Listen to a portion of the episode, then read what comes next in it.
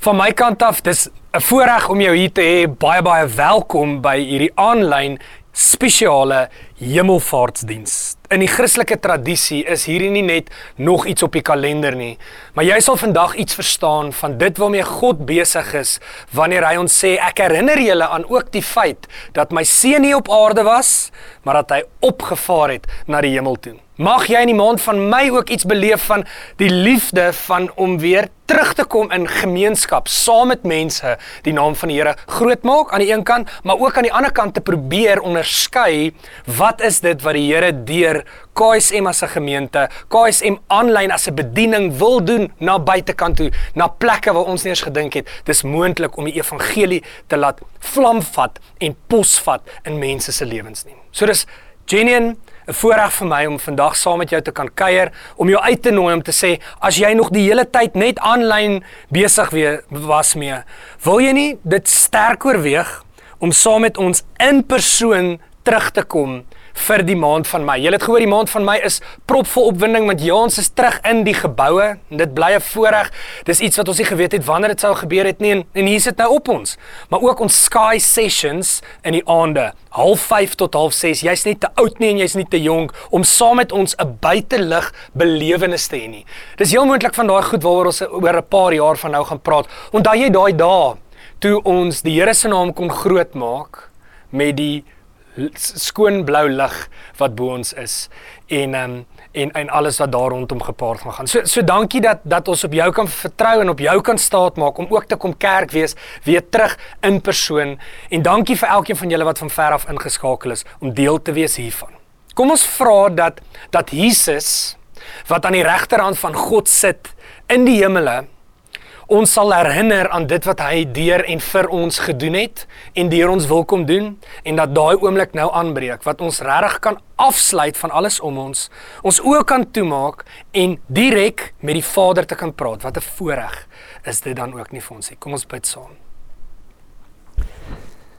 Here Jesus om met die God van die heelal te kan praat wat nog te sê te mag praat Here laat ons eie harte warm klop vandag. Here want want ons besef net dat dat toe U gesê het, kyk ek gee vir julle die sleutels en wat ook al julle hier op aarde sal oopsluit, sal ek in die hemele ook oopsluit. Here dan begin daai tekste ons amper bang te maak. Want Here daar is krag in U woorde. En Here U sê dat soos in die hemele kan U hier op aarde vir ons splinternuwe moontlikhede kom oopmaak. Here wil U nie deur hierdie hemelvaartdiens deur U gees kom werk in mense se harte nie. Daar waar hulle gedink het dis onmoontlik, daar waar hulle gedink het ek is nie nou lus nie. Daar waar hulle gedink het ek moet dalk oorskakel en kyk wat wat op ander plekke aangaan. Here wil U nie hierdie oomblikke kom heilig maak nie, want want dis eintlik wat U kom doen het toe U af aarde toe ook gekom het. U het 'n klomp goed kom heilig maak en U het vir ons kom wys wie is die Vader.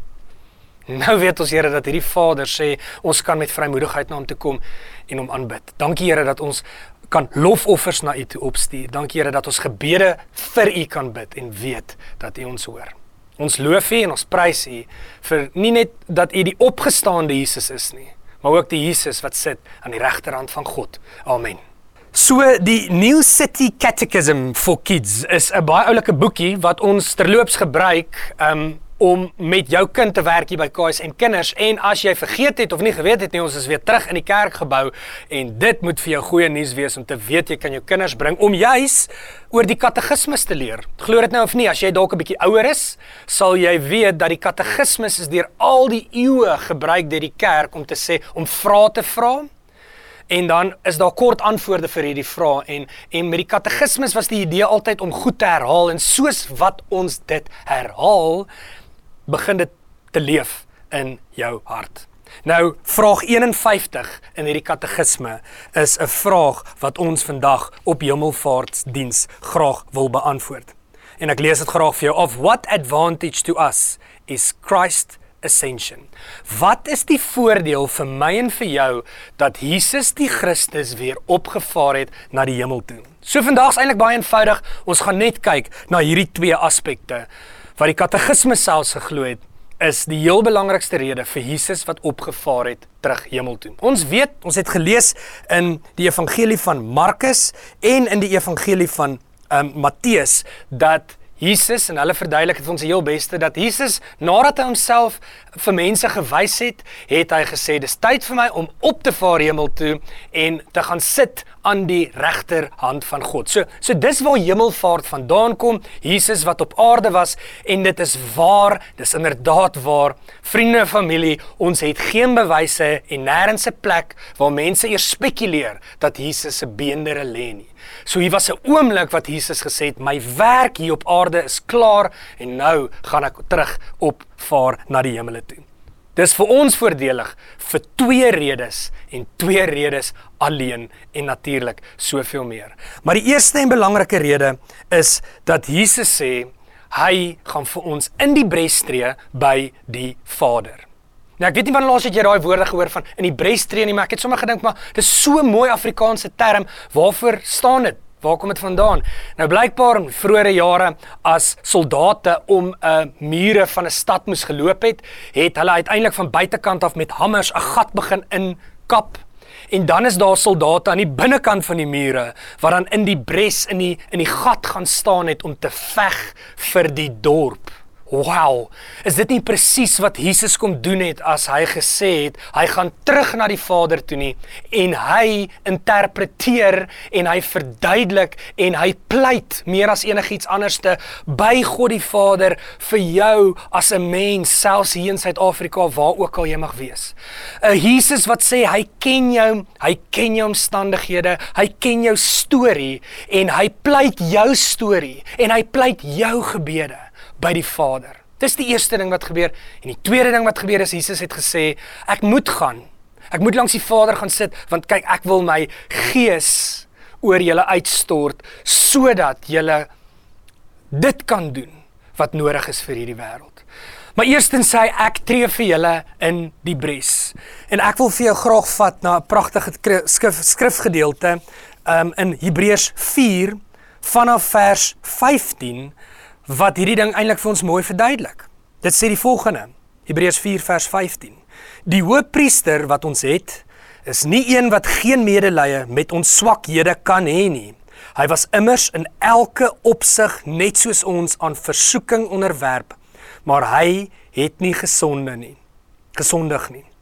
Kom vers 16. Kom ons gaan dan met vrymoedigheid na die genade troon sodat ons barmhartigheid en genade kan ontvang en so op die regte tyd gered kan word.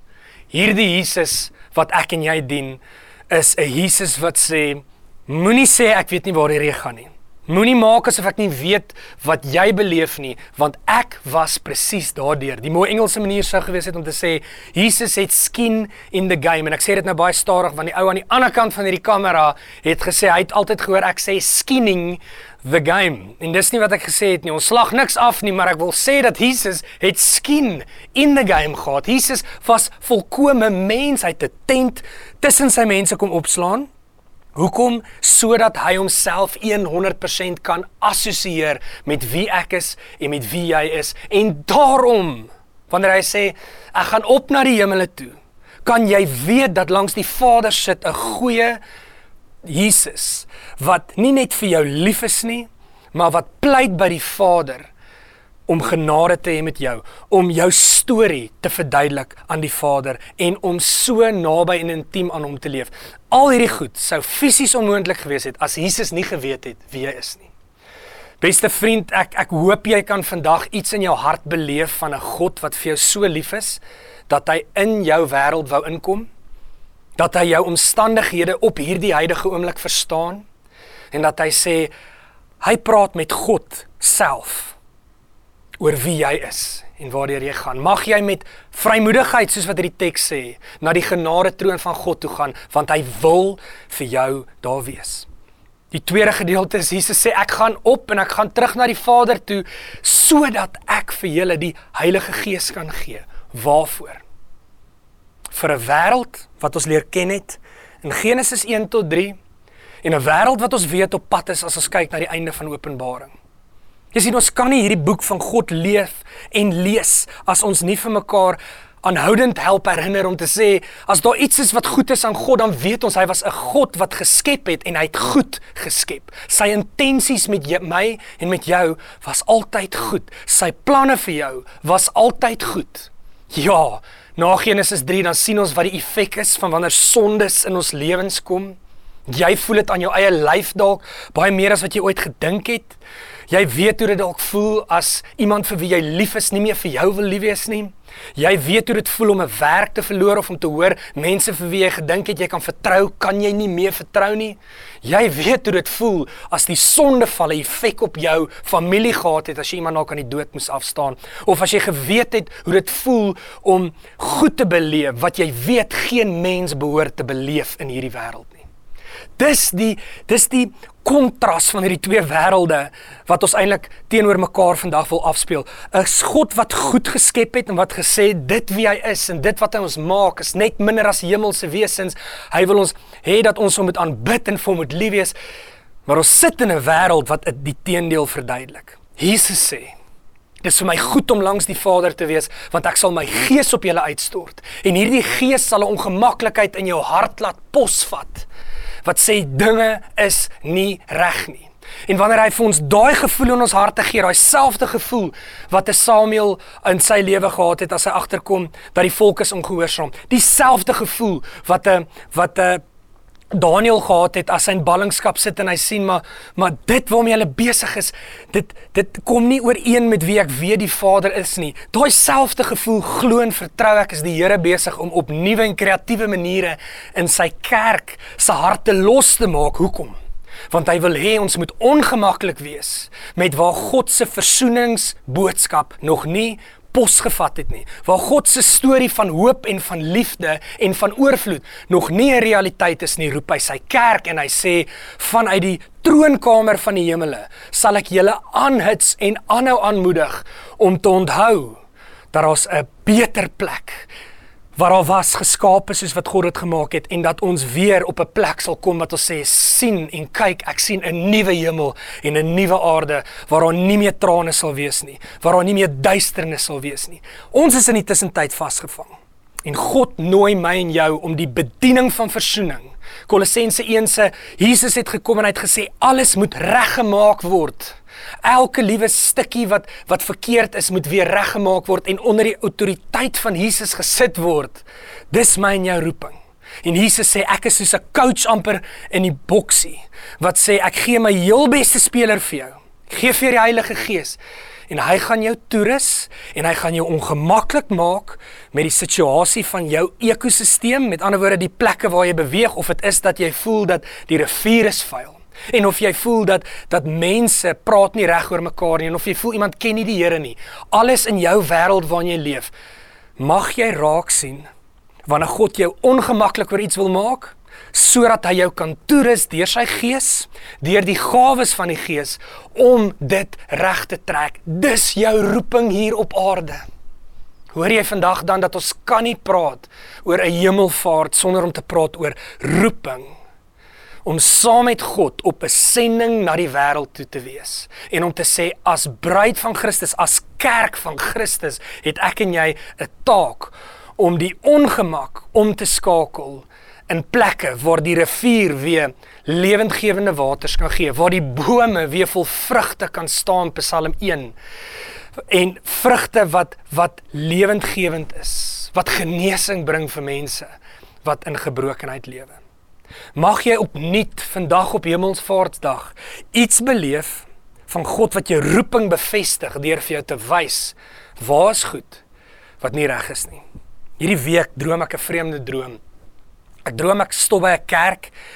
Ek maak die deur oop om uit te klim en toe ek toe ek so uitkyk, toe sien ek net hierdie geweldige diep sloot en uiteindelik kom ek uit die uit hierdie kar uit met 'n hengse gesukkel en ek moet afklouter en ek is vies want ek is by die kerk. Hoe durf die kerk se parkering dit aan my doen? Dalk as jy by Hippolanus en oor die klippies gery het, voel jy ook partykeer so. En toe ek onderkom en dink hoe ek wil kwaad wees, hoor ek hierdie stem oor 'n mikrofoon wat vir my sê en steeds het jy die voorreg om deel te wees van die belangrikste organisasie in God se koninkryk. En ek wil vir jou sê, weet jy hoe bevoorreg is jy om deel te kan hê aan God se roeping om dit wat verkeerd is reg te maak? Besef jy dat God sy kerk in hierdie tyd wil toerus om 'n gebroke wêreld genesing te laat proe as dit nodig is om te proe, te laat ruik as dit nodig is om te ruik en om te sien as dit nodig is om te sien. Mag ek en jy kerk gaan wees op 'n manier soos nog nooit vantevore nie. Mag ek en jy hierdie woorde en ek lees dit graag vir jou want ek dink dit is waarmee ek nie net sal wil afsluit nie, maar dis woorde wat ek dink jou so baie gaan help om te sien wat God ook deur my en deur jou wil kom doen. En dit is waar Markus dan nou sy verduideliking gee van presies dit wat gebeur tydens Hemelvaart. En ek lees gou vir jou van Markus 16 vanaf vers 20. Die heel laaste gedeelte van Markus. Dit sê hulle het toe die evangelie oral gaan verkondig En die Here het met hulle saamgewerk en hulle prediking bekragtig deur die wondertekens wat daar opgevolg het. Hulle het toe die evangelie oral gaan verkondig en die Here het met hulle saamgewerk. Ek weet nie van jou nie, maar in die jaar wat op ons wag, in 'n nuwe tydsgees van kerk wees en hoe jy dalk jou gesin moet moet organiseer en en dalk jou liefdeslewe wil organiseer of jou jou werksplek wil organiseer.